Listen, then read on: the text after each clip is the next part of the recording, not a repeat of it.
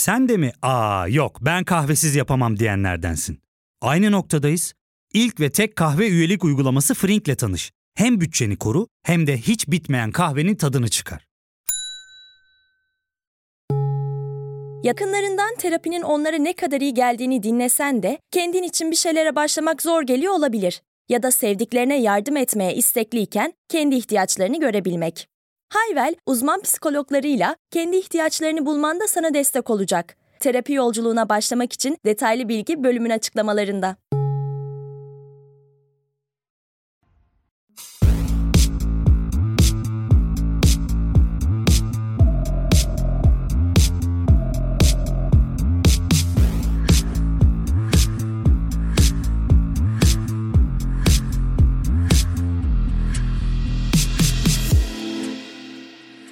Ahlak denen kavramın içeriğine çok da girmeden aslında genel ahlakın kimi kaynak aldığını, kimi genellediğini düşünelim. Çünkü buradaki genellik sandığımızdan daha az şey kapsıyor olabilir. Bazen 1970'lerde Britanya'da 20 sayfası cinsel eğitime ayrılmış bir hayat bilgisi kitabının, bazen 1980'lerde İsviçre'de önemli bir sanat etkinliğinde sergilenen müstehcen tablonun, Bazen günümüzün Türkiye'sinde 19. yüzyılın klasik bir romancısını basan bir yayıncının veya cinsel haz amacıyla üretilen görsel ürünleri analitik olarak ele alan bir dergi sayısının engellenmesinde yasal gerekçeler olarak karşımıza çıkar. Kültürel alanı böylesi geniş bir biçimde sınırlama kapasitesi olan bir kavramın çoğunluğun düşünce ve amaçlarını dahi yansıtmadığı fikrindeyim. Kaldı ki insan hakları hukuku demokratik toplumun en önemli değerlerinden biri olan çoğulculuğu kurmayı ve azınlıkları korumayı hedefler. Dio, Arca Alpan Velvelenet için kaleme aldığı Genel Ahlak Kimin Ahlakı başlıklı yazısının hatta başında. Genel ahlak hak ve özgürlükleri sınırlandırma nedeni olarak gösterilmeye devam ediyor. Mental Klitoris'in bu bölümündeki konuğum influencer Merve Taşkın. Merve ile şimdi karşılıklı olarak Podbean'in stüdyosundayız. Merve ile de hakkında müstehcenlik gerekçesiyle açılan davaları konuşacağız. Hoş geldin Merve, nasılsın? Hoş buldum, iyiyim. Sen nasılsın? Ben de iyiyim. Çok teşekkürler buraya geldiğin için, bugün bizlerle olduğun Rica için. O zaman ilk sorumla başlıyorum ben. Bekliyorum. 2020'nin Ocak ayında doğum gününü kutlamak için Amsterdam'a gidiyorsun. Amsterdam Seks Müzesi'ndeki paylaşımların sonrası yaşadığın süreci dinleyelim istiyorum senden. Ama onun öncesinde paylaşımlarına dair, şikayet edileceğine dair tehditler alıyor muydun? Eğer böyle bir şey söz konusuysa maruz kaldığın bu tehditleri de içine alarak süreci anlatır mısın? Yani böyle bir şeyin geldiğini hissediyor muydun? Buna dair emareler var mıydı? Varsa o emareleri de alarak süreci dinleyelim. Yani açıkçası tehdit edilmiyordum. Yani şu dönem ediliyorum şikayet edileceğime dair ama o zaman edilmiyordum. Amsterdam'a doğum günüm için gittim. Orada herkesin bildiği Amsterdam Seks Müzesi var ve hani birçok ülkeden insanların da gittiği gayet popüler olan ve müze diye geçen bir yer. Oraya gittim. Tabii o zaman aklıma hiç böyle bir şey gelmedi. İki yıl sonrasında şikayet edileceğime dair, mahkemeye çıkacağıma dair. Yani bunu planlı yapmadım. Bazen bazı insanlar linçlenmek için bazı şeyler yapabilir. Son dönemde ben de yapıyorum bunları. Ama o zaman bu aklıma gelmemişti. Orada bir sürü story paylaştım, post paylaştım. Sonra penis heykeli vardı. Onunla video çektim. Oturma alanı var. Herkesin oturduğu ve işte fotoğraf video çekildiği. Birçok Türk de çekilmiş bu arada. Twitter'a attığımda mention atmışlardı. Orada video çekildim. Paylaştığım gün Dünya Sarılma Günü'ydü ve video böyle biraz tatlı bir videoydu. Arkada romantik bir müzik. Penis heykeline sarılıyorum böyle bir insana sarılır gibi. ve attığımda da Dünya Sarılma Günü'nüz kutlu olsun yazmıştım.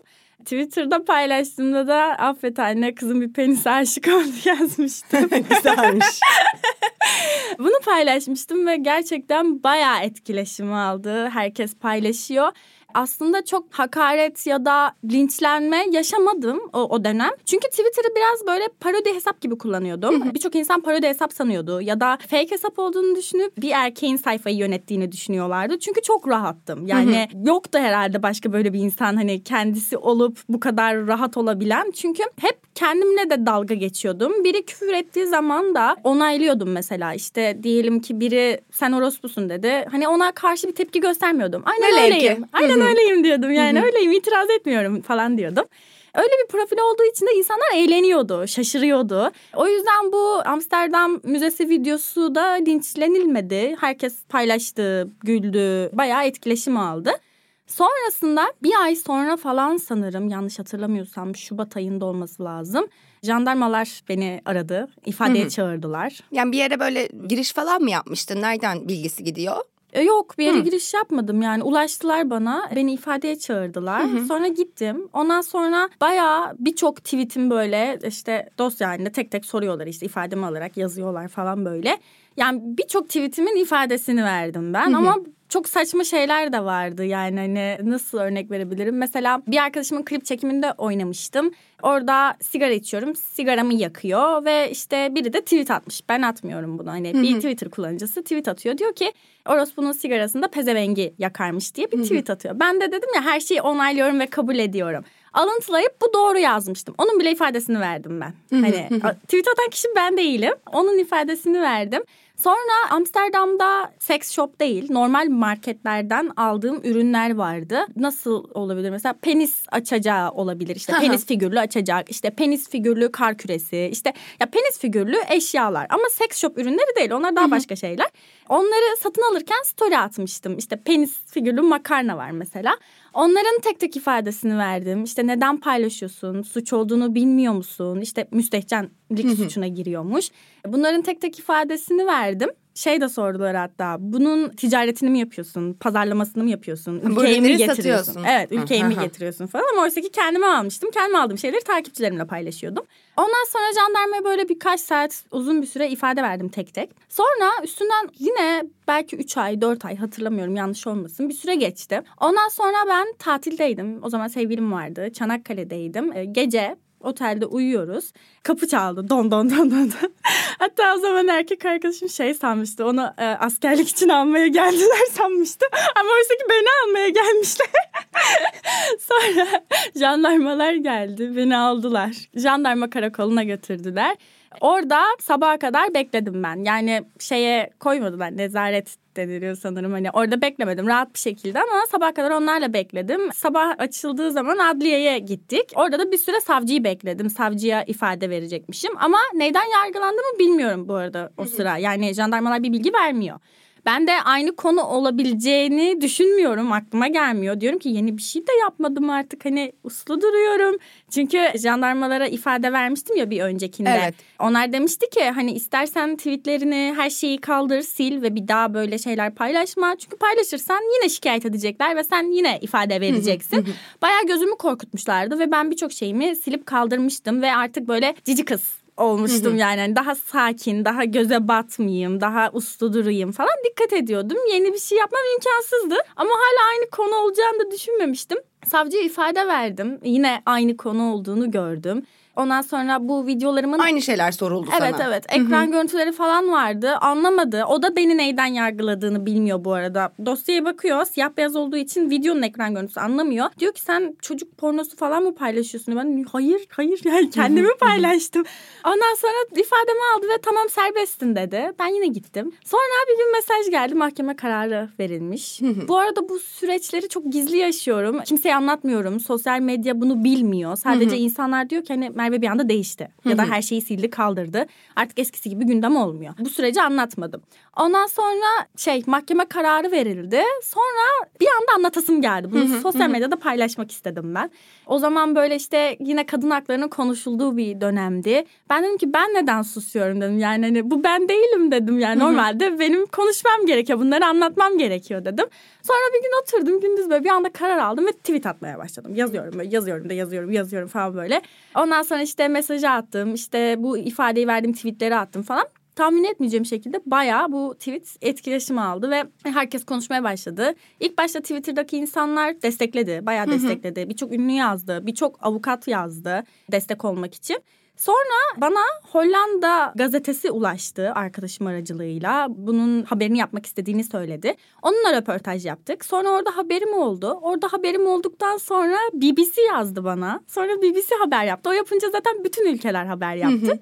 Ben bunları paylaşmaya başladım Instagram'da. Sonra işte sen FETÖ'cü müsün? Ülkemizi rezil ediyorsun. Senin yüzünden rezil olduk bütün ülkelere. Ne işte alaka, tekrar şikayet edin bunu falan. Hatta korktum yani acaba dedim öyle mi düşünürler ülkeyi Türkiye'yi rezil ediyorum falan hani kaldırsam mı falan böyle şey korkusuyla paylaşıyorum. Psikolojim şeyde hani risk alıyorum ama eve gelirlerse kapıya gelirlerse böyle bir ses duyduğum zaman acaba polisler mi geldi falan. Hep o moddaydım ama yine de paylaşıyordum tabii. Hı hı. Ee, e, o ülke seni yargılıyor sonuçta ne yapacaksın ki evet. düşündüğünde yani neyin temsili neyin rezilliği gibi. Peki o da TCK'nın 226. maddesinden miydi o evet. yargılama sürecin? Evet evet. Peki ondan sonra 5 ay bir hapis cezası alıyorsun. Evet. Daha sonrasında bu ceza denetim sürecine dönüşüyor değil mi? Evet. Hükmün daha sonra bildirilmesi üzerinden. Türk Ceza Kanunu'nda müstehcenlik genel ahlaka karşı suçlar başlığı altında yer alıyor. Ancak neyin müstehcenlik, neyin ifade özgürlüğü olduğu da davanın hakimine göre değişebiliyor. Sen bu cezayı almayı bekliyor muydun? Bu ilk cezayı. Bu beş aylık. Hayır yani kesinlikle beş ay hapis cezası almayı beklemiyordum açıkçası. İlk duyduğumda da şoka girdim. Yani beni o an götürecekler sandım ben çok hakim olmadığım için böyle şeylere. Altı ay hapis cezası verdi. Sicilim temiz olduğu için beş aya düşürdü. Ama savcının ilk dediği hakimden önce direkt dediği hapis cezası istediğini zaten o belirtti. Direkt bir şekilde. Hakim de beş ay hapis cezasını makul gördü o an şoka girdim. Yani götüreceklerini sandığım için. Sonra çıktıktan sonra hani bunun işte 5 yıl süreye tekabül ettiğini, 5 yıl boyunca sadece uslu durmam gerektiğiyle alakalı bir şey olduğunu ve sicilmede suç işlemediğim sürece tekrar işlenmeyeceğini öğrendim. O yüzden dedim ki sanırım daha uslu durmam gerekiyor artık 5 yıl boyunca ama dedim ki şimdi birçok şey suçsa ve ben nelerin suç olup olmadığını bilmiyorum. Çünkü bu olayı da bilmiyordum. Dedim ki hani 5 yıl içinde yine bir şey suç sayılabilir ve ben bu sefer ne yapacağım? ve oldu da tekrar. Evet bu 226. maddenin ikinci kısmı var. Ondan yargılanıyorsun. Müstehcen görüntü, yazı veya sözleri basın ve yayın yoluyla yayınlayan veya yayınlanmasına aracılık eden kişi 6 aydan 3 yıla kadar hapis ve 5000 güne kadar adli para cezası ile cezalandırılır diyor bu maddenin bu bendinde.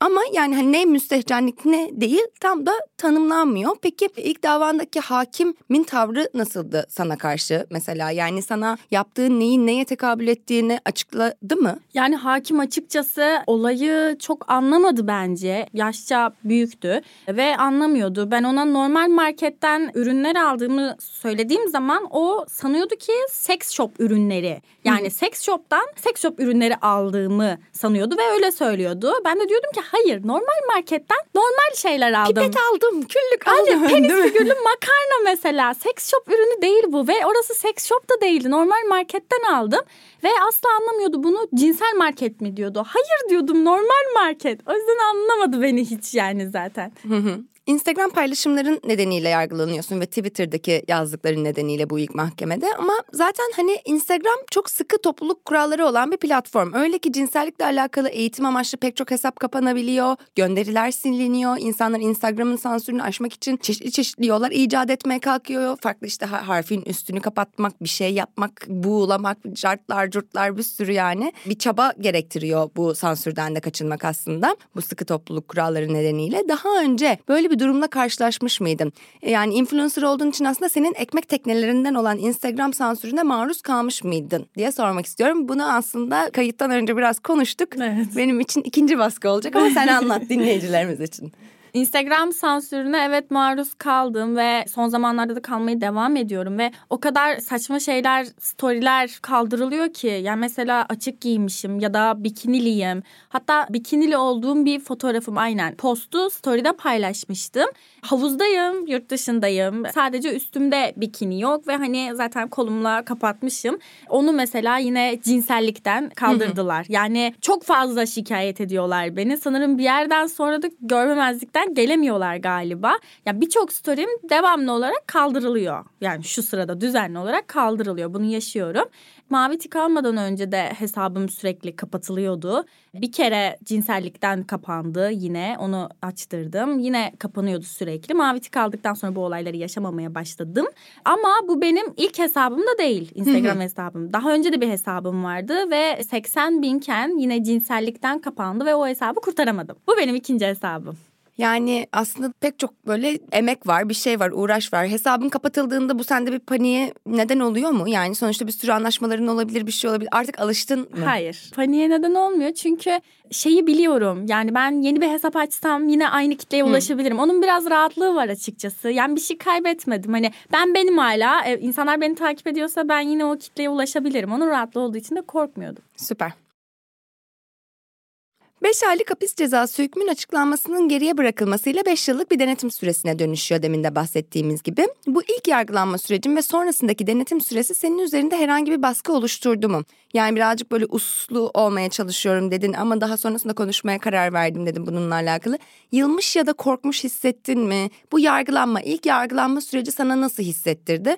Ben çok sıfat kullanmayayım, seni yönlendirmeyeyim, sen anlat. Yani açıkçası ilk mahkemeden sonra 5 ay hapis cezası aldıktan sonra 2 yıl boyunca sanırım yaklaşık gerçekten çok sakin bir hayatım oldu. yani böyle sansasyonel bir şey yapmamaya çalışıyorum. İşte eskisi gibi böyle iş çamaşırlı fotoğraf atmıyorum ya da üstsüz fotoğraf atmıyorum. Hani dekolteli giyiniyorum normal hayatımdaki gibi ya da hani maksimum bikini sansasyonel tweetler atmamaya çalışıyorum. İşte düzenli bir hayata döndüm. İşte her gün spora gidiyorum. Sağlıklı yaşam bunları paylaşıyorum. İki yıl boyunca böyle sakin, sade bir hayat yansıttım Instagram'a ve Twitter'a. Hatta Twitter'ı çok kullanmamaya başladım. Çünkü hapis cezası aldıktan sonra ve ilk jandarma ifade verdikten sonra ilk gün ağladım. Dedim ki yani ben normal insanlar gibi Twitter kullanmayı bilmiyorum. Ne yapacağım şimdi dedim. Yani nasıl normal insanlar ne yapıyor ki? Nasıl tweet atıyorlar? Nasıl post atıyorlar? Yani hayatım öyle olduğu için dedim ki ben şimdi nasıl yapacağım? Yani bilmiyorum kullanmayı. O yüzden böyle bir süre adapte olamadım yeni bene. Yani atamadım tweet. O yüzden çok kullanmadım Twitter'ı. Böyle daha ayda yılda bir tweet atıyordum. Instagram'ı kullanıyordum. İki yıl sonra işte bana geldiler. Yeter dedim. Sıkıldım çünkü hani rol yapıyorum. Yani daha özgür olmak istiyorsun, dilediğin gibi, Evet. istediğini yapmak Evet. istiyorsun gibi. Evet, evet. Peki bu geldiler anında ne bileyim okuduğun bir şey, izlediğin bir şey, bir arkadaşınla bir sohbet öyle bir mihenk taşımsı bir şey var mı? Yoksa eh falan artık bir şeyle neyse artık. Ya açıkçası birkaç gün yalnız kaldığım, evde vakit geçirdiğim bir süreçti. Düşünmek için biraz zamanım oldu. Böyle içe döndüm biraz.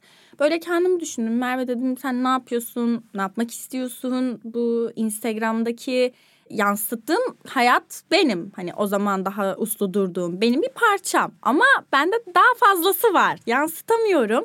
Ve şeyi fark ettim. Yani bu zamana kadar hep risk almışım ve risklerle büyümüşüm. Aslında konfor alanından çıktıkça büyümeye başlamışım. Onu fark ettim ve sonra dedim ki ben iki yıldır konfor alanından çıkmıyorum. Risk almıyorum ve korkuyorum dedim. Bu ben değilim dedim ve dedim benim konfor alanından çıkmam gerekiyor. Risk almam gerekiyor dedim. Sonra bir anda aldım. Acaba o risk OnlyFans miydi? evet. Ya fark ettin mi? Biz en çok kahveye para harcıyoruz. Yok abi, bundan sonra günde bir. Aa, sen Frink kullanmıyor musun? Nasıl yani? Yani kahvenden kısmına gerek yok. Frink'e üye olursan aylık sadece 1200 TL'ye istediğin çeşit kahveyi istediğin kadar içebilirsin. Günlük 40 TL'ye sınırsız kahve mi yani? Çok iyiymiş. Aynen. Hatta şu anda 200 TL'lik bir indirim kodu da var. E hadi hemen indirip üye ol da bu fırsatı kaçırma. Terapiye başlamak, içinden çıkamadığın döngüleri kırmak, bazı yanlış bulduğun kararlarını değiştirmek ve kendinle beraber daha huzurlu bir yaşam inşa etmek için atabileceğin en değerli adımlardan biri. Hayvel ile yoğun yaşam tempona uyum sağlayarak online terapi seanslarını takvimine göre ayarlayabilirsin. Bini aşkın uzmandan sana en uygun terapisti seçebilir, podb10 koduyla indirimden yararlanabilirsin. Detaylı bilgi açıklamalardaki bağlantıda. Şöyle o zaman bir dahaki sorum. Şeriban Alkış kapsül için kaleme aldığı yazıda OnlyFans'ı şöyle özetliyor. OnlyFans 170 milyondan fazla kayıtlı kullanıcısı ve 1,5 milyondan fazla içerik üreticisiyle en hızlı büyüyen sosyal medya platformlarından biri. Gelir modeli ücretli abonelik sistemine dayalı, üretim biçimi ise platform kapitalizmine dahil. Uber, Airbnb ve Armut platformlarında olduğu gibi OnlyFans da bir şeyi arz edenlerle talep edenleri bir araya getiriyor. Aslında seni şikayet edenler, yargılayanlar ve genel ahlak dayatıcıları da tam da seni böyle sindirmek, bastırmak, kontrol etmek isterken sen geçtiğimiz Mart ayında artık o iki senelik o uslu Merve'yi de bir kenara bırakıp OnlyFans için içerik üretmeye başlıyorsun. OnlyFans'a içerik üretmeye başlarken denetim sürecinle alakalı çekincelerin var mıydı? Bunu böyle bir direniş artık bir başkaldırı olarak değerlendirebilir miyiz? Ya da sen hangi değerlendirmelerden geçerek bu kararı verdin? Bu karar verdikten sonraki süreci de yani OnlyFans içerik ürettiğin süreci de konuşalım isterim. Senden dinleyelim isterim. Açıkçası dediğim gibi risk aldım dediğim için bir şeylerin olabileceğinin farkındaydım. Yani insanların tepki gösterebileceğini zaten biliyordum. Çünkü OnlyFans bizim ülkemiz için yani biraz hani şu anki süreç için fazla kaçıyor. Aslında iki yüzlülükte bir Evet, yandan evet, yani. evet. Hani Kesinlikle. bu bu bu içerikleri bu insanlar tüketiyorlar ama daha sonra utandırmaktan, ayıplamaktan, yargılamaktan da çekinmiyorlar üretenleri. Evet, yani evet kesinlikle tüketiciler. aynı fikirdeyim. O yüzden linçleneceğimi ve insanların çok büyük tepki göstereceğini biliyordum. E, tepki gösterdikten sonra şikayet edeceklerinin zaten farkındayım. Çünkü herkes biliyor. 5 ay hapis cezam var, 5 yıl boyunca suç işlememem gerekiyor. E, daha önce müstehcenlikten yargılandıysam bunu da müstehcenlikten insanlar şikayet eder. Bunun bilincindeydim. Ama yani gerçekten biraz risk almak istedim. Çünkü yani tamamen beni yansıtmıyordum. Ve açıkçası Türkiye'den gitmeye de kendimce başlamadan önce karar verdim. Yani dedim gideceğim çünkü burada tam olarak hayatımı yaşayamıyorum ve yansıtamıyorum, kısıtlanıyorum. O yüzden gitmeye karar verdim ve başladım. Ve göze de almış oldun aslında. Evet. Gelelim geçtiğimiz günlerde sosyal medya üzerinden duyurduğu mahkeme sürecine Twitter'dan şöyle yazıyorsun. 12 Ocak günü 2023 Mahkemem var. OnlyFans kullandığım ve Instagram hesabımda paylaştığım normal fotoğraflardan dolayı müstehcenlik suçu adı altında mahkeme kararı alındı. Tepki gösterenler tebrikler amacınıza ulaştınız. Daha önceden Amsterdam Seks Müzesi'ne gittiğim ve Instagram hesabımda fotoğraf paylaştığım için 5 ay hapis cezası almıştım. BBC bile haberini yapmıştı. 5 yıl boyunca suç işlememem gerekiyordu. OnlyFans mahkemede suç sayılırsa ikisinin cezası birleşecek ve hapse gireceğim. Peki şikayet edileceğine dair tehditler alıyor muydun? Tahmin ediyordun şikayet edilebileceğini ama seni hiç tehdit ettiler mi bununla alakalı? Yani bak Merve işte 5 aylık hapis cezan var. Denetim süresindesin. Bilmem yani bununla alakalı tehdit edildin mi şikayet edilmekle? Yok aslında edilmedim. Daha çok insanlar uyarıyordu. Merve ne yapıyorsun? Beş ay hapis cezan var kendine gel falan. Uyarıyorlardı. Arkadaşlarım da uyardı. Ee, birkaç arkadaşım. Instagram'dan da uyarıyorlardı. Tehdit edilmedim açıkçası Ee, ama edilmeye de gerek kalmadı zaten sinsi sinsi şikayet etmişler. Öyle olmuş. Peki mesela OnlyFans sürecini falan avukatına danıştın mı? Yani ben böyle bir şeye girişeceğim, göze de alacağım, denetim süresinde de olsam vesaire diye. Hayır danışmadım kesinlikle. Kendi bildiğimi okuyan bir insanım. Çok nadir avukata danışırım böyle. Bu ikinci yargılama sürecinde yine ceza alırsan yatar bir hapis cezası alman söz konusu senin de söylediğin gibi. Ayrıca bu dava emsal bir davaya dönüşebilir.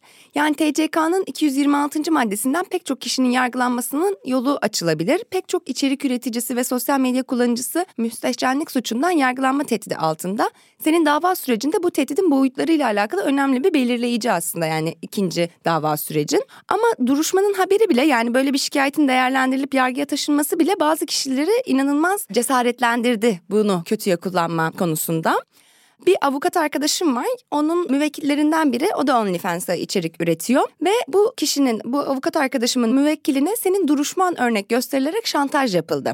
Gelen mesajı isim vermeden okuyorum. Geçmiş olduğumuz günlerde bildiğiniz üzere Merve Taşkın'a OnlyFans yüzünden dava açıldı devlet tarafından. Eğer OnlyFans üzerindeki resimlerinizi atmazsanız sizin bilgileriniz üzerinden şikayet oluşturulacaktır. Yani ya bana fotoğraflarını yolla diyor, videolarını yolla diyor ya da seni CİMER'e şikayet ederim diyor bu kişi. Daha sonraki mesajlarda da işte hani defol git falan dendiğinde bu kişiye nereye gideyim, CİMER'e doğru mu gideyim falan diye mesajları var. İşin hali hazırda nerelere gittiğine dair bir resim çizmek için bu örneği verdim. Sen de diyorsun ki yazık size bu yasaların ucunun bir gün dokunacağının farkında bilincinde bile değilsiniz diye bir tweet atıyorsun. Senin davan ne anlama geliyor? Neye işaret ediyor? İnsanların neyi anlamasını istiyorsun? Yani aslında müstehcenlik çok ucu açık bir kavram. Ben insanların bunu anlamasını istiyorum ama ısrarla anlamıyorlar. Bunu söylediğim zaman biz OnlyFans kullanmıyoruz. Biz bunu yapmıyoruz. Biz senin gibi hayat yaşamıyoruz. Biz yargılanmayız. Niye senin yanında olalım ya da niye korkalım diyorlar. Hı hı. Ama müstehcenlik ucu açık bir kavram. Yani kime göre müstehcen, neye göre müstehcen yani. Bir gün askılı body giydiğin zaman ya da etek giydiğin zaman bu da müstehcen sayılabilir. Yani ben bunu söylemeye çalışıyorum aslında. Anlamamakta ısrar ediyorlar ama umarım çok geç olmadan anlarlar. Yoksa anlamak zorunda kalacaklar. Drama Pasta diye bir içerik üreticisi var. O da mesela yani bugün OnlyFans'e çekilen sınır yarın öbür gün başka bir yani senin dekoltene çekilir diye söylüyor. Aslında mesela böyle bu gibi durumlarda çok böyle bak senin de başına gelebilir gibi bir yerden empati beklemeyi çok sevmem ama bu durumda çalışıyor. Yani hani daha başka durumlarda mesela cinsel şiddetle alakalı işte ya senin kız kardeşin ya senin annen o. Hayır bu cinsel şiddet kötü bir şey yapmamalısın falan. Ama burada evet. hani buradaki kullanımı bugün bana yarın sana durumu hakikaten daha farklı bir şeye de işaret ediyor. Evet hepimizi etkileyecek bir evet, şey Evet giderek de muhafazakarlaştığımızdan hiç böyle uzakta falan gelmiyor.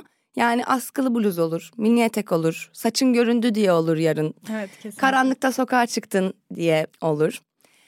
Bir sonraki sorum. 1998 doğumlusun yani internete doğdun ve internetle büyüdün diyebiliriz. Defalarca hakaret, tehdit ve iftira yoluyla siber tacize maruz kaldın. Fiziksel şiddetten hayatta kaldığını açıkladın. Gülşen'i linçleyenler gün gelir devran döner haberiniz olsun. Bugün ona yarın sana dediğin 25 Ağustos tarihli bir tweetin var. Gülşen İmam Hatipler hakkında söyledikleri nedeniyle halka kim ve düşmanlığa tahrik suçundan yargılanıyor. Ancak tüm meselenin bu olmadığını da biliyoruz. Aslında makul bir kadın olmadığı için anneliği kutsallaştırmadığı, sesini çıkarıp şarkı söylediği, dans ettiği, istediğini giydiği, LGBT artı bayrağı açtığı ve kadın olarak güçlendiği ve bunların da arkasında durduğu için yargılanıyor. Genel ahlakın özellikle de kadınların ve LGBT artların cinselliğini kontrol etme, baskılama, denetleme, ayıplama ve cezalandırma araçlarını düşündüğümüzde nasıl bir duruş sergilemek senin için önemli? Tüm bu süreçlerde senin için neler güçlendirici oluyor? Yani açıkçası sosyal medyada bu konularda korkmadan duruş sergileyen insanları destekliyorum. Ne yazık ki ben de dönem dönem korkabiliyorum. Sonradan aklım başıma gelebiliyor. Ama kesinlikle aslında benim de duruşumun tam olarak bu yönde olması ve her zaman bu yönde olması. Hiçbir zaman korkmamam gerektiğini aslında bu davayla fark ettim. Yani insanlar daha da belki sinerim, daha da korkarım, işte iyice sessizleşirim diye düşünürken böyle bir duruş sergiledim ve bu olaydan sonra da hep böyle bir duruş sergilemeyi düşünüyorum ve insanların da aslında böyle olmasını istiyorum. Bu senin bahsettiğin olayda mesela OnlyFans içerik üreticisine mesaj atan ve şantaj eden kişi o OnlyFans içerik üreticisinin duruşu mesela çok güzel. Birçok insan onu da yapamayabilir. Gerçekten şantaja boyun da eğebilir, korkabilir. Ama yani söylediğin olayda korkmamış. Hatta onu kendisini buradan tebrik etmek istiyorum avukata söylediği için. Buradan da hatta diğer OnlyFans içerik üreticilerine seslenmek istiyorum. Yani kesinlikle bence korkmayın. Biri sizi şantaj ederse ki sanırım bu süreçte çok kişi şantaj edecektir ya da korkutacaktır psikolojilerini bozmaya çalışacaktır. Yani kesinlikle şantajlara boyun eğmeyin. Avukatla çalışın. Yani sen bir anlamda da aslında yanlış değilim yalnız değilim mi hissediyorsun bu süreçte belki? Yani Yanlış bu... değilim ama yalnız olabilir. Öyle mi? evet evet yani çünkü destekleyen insanlar tabii ki var ama şu an görünürde sanki desteklemeyen insanlar daha fazla gibi. Ama biraz da alıştım buna çünkü zaten 18 yaşımdan beri sosyal medyadayım ve bu tavırları ne yazık ki alıştım. Alıştırıyorlar bir yerden sonra. Yalnızım ama yalnız da değilim. Doğru şey yaptığımı düşünüyorum ve inanıyorum. Senin söylediklerine bir ek olarak ben de şey diyeyim yani avukatla çalışmalarını önerdin. Herhangi bir siber zorbalığa maruz kalırsa kişiler yani OnlyFans kullanıcıları olabilir, içerik üreticileri olabilir ya da herhangi bir kimse özel bir görüntü paylaşmıştır biriyle onun üzerinden şantaj görüyordur vesaire. Yani hani siber suçların bu cinsel şiddetle alakalı olabilecek kısımlarında eğer bir sorun yaşarlarsa tabii ki suç duyurusu ama Cinsel Şiddetle Mücadele Derneği'nin destek sistemine de başvurabilirler. Orada da hani özellikle cinsel şiddetin siber suçlar kapsamında çalışan bir avukatımız var. O da gerekli yönlendirmeyi ve rehberliği yapacaktır diye de böyle bir disclaimer girmiş olayım buraya. Devam ediyorum. Duruşmanı duyurduğum bir tweetlerden sonra sana destek olanlardan daha çok köstek olanlar olduğunu gördüm. Hatta bunların arasında çokça kadın okunan kişiler olmasına da ayrıca üzüldüm. Hayal kırıklığına uğradım. Kimden ya da kimlerden destek görmeyi beklerken görmüyorsun? Nasıl bir destek görmek istersin? Demin de yalnızlıktan bahsetmiştin. Evet. Ne sana yalnız olmadığını hissettirir? Rida ekleyeyim. Yani insanların destek olması yalnız olmadığımı hissettirir ama destek olmayacaklarsa bile en azından köstek olmasalar bu bile benim için yeterli gerçekten. Yani bu süreçte benim yanlış olduğumu, hapse girmemi istediklerini yani en azından böyle düşünmeseler bu bile benim için yeterli. Çünkü çok şaşırıyorum gerçekten. Birçok kadın da yazıyor bunu ve hep diyorum işte bugün bana maalesef ki yarın size ama anlamadıkları için birçok kadın da yazıyor. Yani birçok insan umarım hapse girersin, umarım idam edilirsin diyen var. Bunu diyen de bir kadın. Bu tarz şeyler yazıyorlar. Yani dediğim gibi en azından sadece nötr olsalar bu bile bana yeterli. Yani hani illa işte Merve seni seviyoruz, arkandayız. Yani kimse kimseyi sevmek zorunda değil. Sevmiyorsundur ama en azından köstek ol olma. Peki hani başka desteğini beklediğin işte Türkiye basını, uluslararası basın, daha fazla insanın ilgilenmesi, davanı takip etmesini falan böyle taleplerin, isteklerin var mı? Evet yani aslında bu olayın bir önceki Amsterdam Müzesi olayı gibi dünya basınında da yer almasını istiyorum. Çünkü yani bu mahkemeyi herkesin duymasını istiyorum. Çünkü bana saçma geliyor açıkçası. O yüzden herkesin duymasını istiyorum. Mesela Amsterdam Müzesi olayında sadece diğer ülkeler destekledi beni. Türkiye'de bunun haberi yapılmadı. yani yapıldıysa da çok büyük bir haber sitesi yapmadı. Ben görmedim, göremedim. Yani ya da destek daha böyle yoktu. şey kopyala yapıştır bir haberi yapılıp senden de bir görüş alınmamıştı. Yani BBC'ye evet. konuştuğun şey kullanılmıştır. Verdiğin demeç evet. kullanılmıştır ama anladım. Peki 12 Ocak günü duruşmaya insanların gelmesini, orada olmasını ister misin? Köstek olmayacaklarsa gelebilirler. Destek olmak için. şey pankartlarla Merve hapse gir, hapse gir diye falan geliyorlarmış. yani gelebilirler tabii ki dediğim gibi destek olacaklarsa gelebilirler. O zaman başka senin eklemek istediğin, dinleyenlerden bir talebin, vermek istediğin bir mesajın var mıdır diye son sorumu sorayım.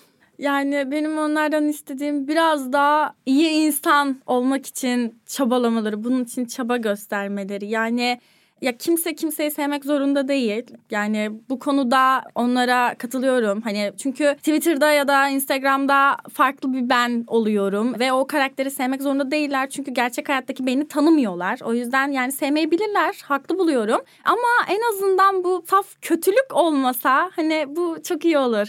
Daha biraz daha saf sevgiye ulaşabilmelerini dilerim. Yani herkesi sevmeseler de en azından nötr kalabilmeyi hayatlarında bunu yapmalarını çok isterim isterim. Umarım bir gün yaparlar. Çok çok teşekkürler Merve konuk olduğun için, içini kalbini açtığın, döktüğün ve paylaştığın için. Yalnız hissetmeni istemem ben yanındayım. Ee, eminim Mental Kültürist'in dinleyicilerinin pek çoğu da senin yanındadırlar. Çok teşekkür ediyorum. Eğer başka bir şey yoksa bölümü kapatıyorum. Ben teşekkür ederim. O zaman bir sonraki bölümde buluşmak üzere.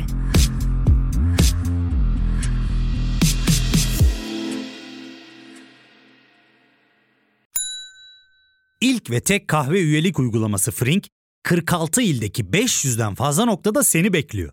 Açıklamadaki kodu girerek sana özel 200 TL'lik indirimden faydalanmayı unutma. Hadi sen de Frink üyeliğini başlat, kahven hiç bitmesin.